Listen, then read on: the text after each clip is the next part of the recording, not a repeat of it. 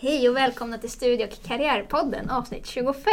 Ja, hej hej Isabelle! Hej Sara!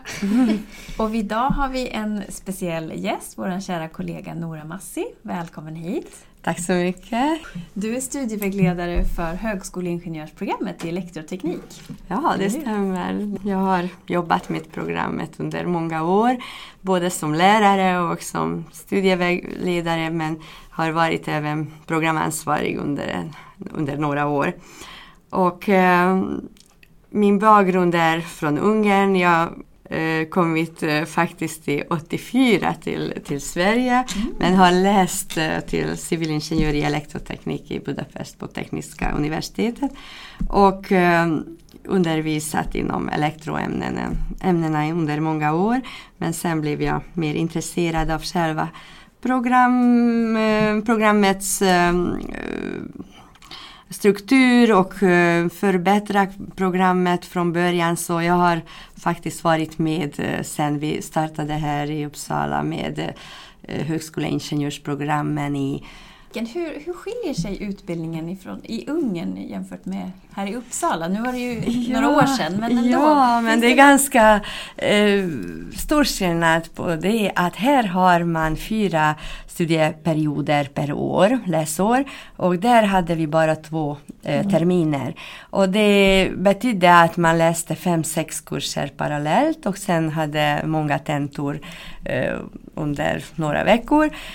Alltså det är på gott och ont. Jag tyckte att det var bra på det sättet att man hade längre tid att uh, smälta, bearbeta nya begrepp och så vidare. Men å andra sidan var det mer krävande när man hade tentaperiod. Här har man ungefär hälften så många kurser per halv termin. Så eh, ja, det, det var lite annorlunda. Plus att man fick inte så många möjligheter att göra om tentor i Ungern. Det var bara bara faktiskt max tre gånger. Annars fick man gå om hela året. Här har man möjlighet att äh, tentera om, om man vill flera gånger men visst kommer man ur fasen och det innebär problem men inte så radikala problem som man hade i Ungern.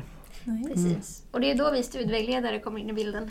Ja exakt, vår uppgift är just att hitta lösningar, individuella lösningar ifall man hamnar Mm. Men programmet då, högskoleingenjörsprogrammet i elektroteknik. Vad, vad läser man? Vad, vad, ingår i programmet? Ja, nu har vi en inriktning mot elkraftteknik. Nu energi är nästan det hetaste området i samhället så verkligen att lösa elgenerering och energi i samhället är prio ett. Och uh, att satsa på förnybara elgenereringsmetoder är jätteviktigt. Att lämna fossila bränslen. Och det har vi faktiskt uh, fantastiska möjligheter här i Uppsala för att uh, forskningen inom förnybar elgenereringsområden, vindkraft, vågkraft, eh, solbatterier, eh, solceller. Så alla möjliga sådana mm, elgenereringsformer är jätte, jätte världsberömda. Och så det, det betyder att våra lärare verkligen brinner för sina ämnen och forskar inom det så man hör den nyaste grenen i alla kurser. Så det, det är en stor fördel att läsa här till elektro ja. högskoleingenjör. Mm. Just det. Så vad, vad händer då när studenterna kommer hit till Uppsala? Vad, vad, läs, vad ingår i programmet? Ja, ja. Det, ja. Först uh, läser de mat, matematik naturligtvis. Men just på elektro högskoleingenjörsprogrammen är det jättemånga kurser redan i ettan som är uh, praktiska. Så det är mycket projekt, labbar inom elektroteknikens grunders olika delar, så kretsar eller eh, komponenter och så vidare. Och sen fältteori är en ganska viktig kurs i ettan. Sen har vi CAD-design och i tvåan kommer eh, elkraftteknik, roterande elektriska maskiner, transmissionssystem, sådana kurser. Men eh, ganska mycket praktik och eh, Parallellt läser man så kallade stödkurser, i, inte bara i matematik men mekanik, beräkningsvetenskap, företagsekonomi och så vidare. Och elektronikkursen är ganska stor i tvåan. Elektronik, analog och digital elektronik, så svagströmselektronik elektronikkurser ingår i tvåan. Och trean är mät och styrsystem, eh, en stor kurs men när man läser reglerteknik, signalbehandling, eh, LabVIEW, programmering som är eh, jättepopulärt nu i industrin. Projekt också som byggs på de kurserna, en, en ganska stor projektkurs. Men det är ändå ganska varierande kurser låter det som. Ja, det kan man säga att eh, verkligen ganska mycket elektro men, men man, man blandar med andra kunskaper och uh, till exempel eller programmering eller, ja. eller um, CAD-design är ganska annorlunda blandat verkligen. Men matematik är ganska viktigt som verktyg. Så mm. uh, även om man inte behöver vara tjänststudent i, uh, i matematik man lär sig här ganska mycket men, men man använder verktyget i olika elektroämnena. Så det, intresset är bra om man har och söker hit. Mm. Och vad är det för behörighetskrav för att kunna komma in på högskoleingenjörsprogrammet i elektro? Ja, matematik ja, fyra, fyra ja. och, och uh, fysik uh, två och kemi ett som behövs för att komma in på högskoleelektroprogrammet. A9 alltså? A9, A9 ja. ja. Områdesbehörighet A9. Ja. Just det. Och antagningspoängen, vad brukar den ligga på? Den ligger um, över 15,5 kan jag säga ja. poäng. Beroende så på det ber Naturligtvis ja. beroende på vilken. Plus år till år kan variera lite mm. beroende på söktrycket. Ja. Men ungefär där. Och det ska man ju veta, om man ska söka in till eh, ett program så även om man tycker att ens betyg inte är så bra så ska man alltid chansa om det är det man vill. Det är alltid bra att söka. Ja, alltid bra att söka. Alltid bra att söka. Men hur ser arbetsmarknaden ut för högskoleingenjörer i elektroteknik? Det är faktiskt ganska lysande för att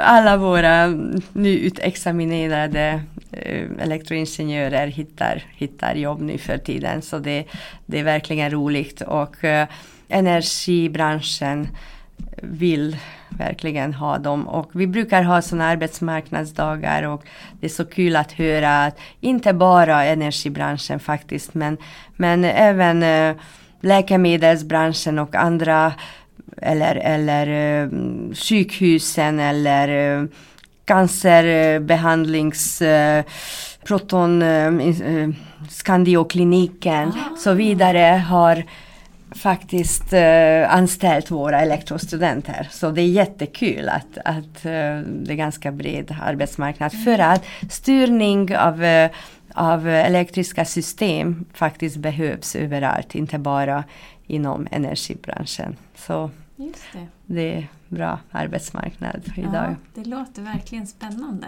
Det är så många arbetsuppgifter man kan faktiskt ta som högskoleingenjör. Inte bara jobba med att um, använda befintliga system. Man kan faktiskt bidra med att utveckla eller, eller jobba med uh, ja, marknadsföring kring det eller, eller tillämpa på andra områden. Så det, det, ja, det är jättebrett. Det är mm. svårt att säga exakt vad våra högskoleingenjörer jobbar med för att det är så pass så varierande. Att, uh, ja, plus att konsultbranschen som förut ville bara ha civilingenjörer nu är jätteintresserade av våra högskoleelektroingenjörer och det, det är nytt och jätteroligt.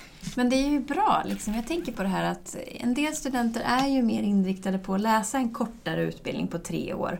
Och att det finns ändå möjlighet att få så pass bra jobb att man är eftertraktad på arbetsmarknaden. Mm, jämfört med att läsa en lång utbildning på fem år för man tänker att man ska säkra ett bra jobb. Men att det verkligen går att hitta bra jobb efter tre år. Det är ja, fantastiskt. Det är, det är, helt fantastiskt, jag håller med. Ett bra program tycker jag och, och eh, ja, studenterna är nöjda och, och trivs på det är engagerade studenter har jag förstått. Det finns en eh, studentförening, en sektion. En sektion, elektrosektion och de är jätteaktiva. Bjuder hit eh, alumner, företag och organiserar olika intressanta program.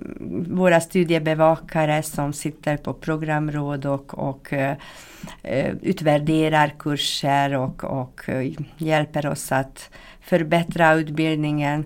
Håller hög profil och, och, och jätteaktiva. Mm. Med marknadsföring också, så det, det finns mycket som man kan engagera sig i vid sidan om, inte bara studierna. Nej, det är, det är roligt. Det är, det är bra att veta. Är det någonting annat som du vill tillägga?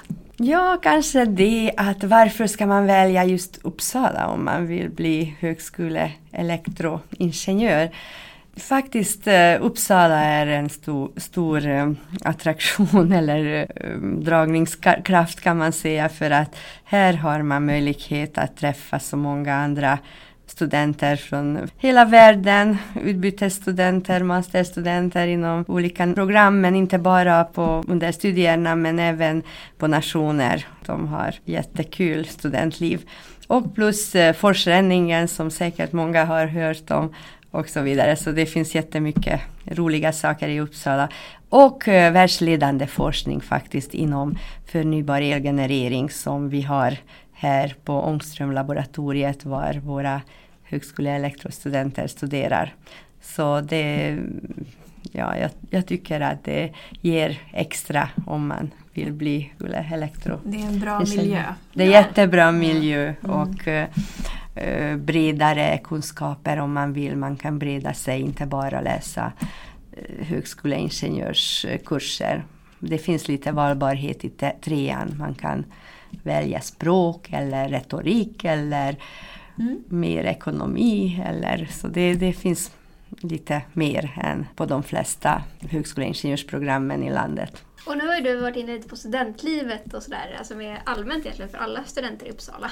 Och där kan man också säga till om du är presumtiv student och funderar på att flytta till Uppsala så har vi faktiskt tidigare podcastavsnitt som handlar om till exempel forsränningen eller ah, studentlivet och sådär. Men stort tack till dig Nora för ja. att du kom och berättade om högskoleingenjörsprogrammet i elektroteknik.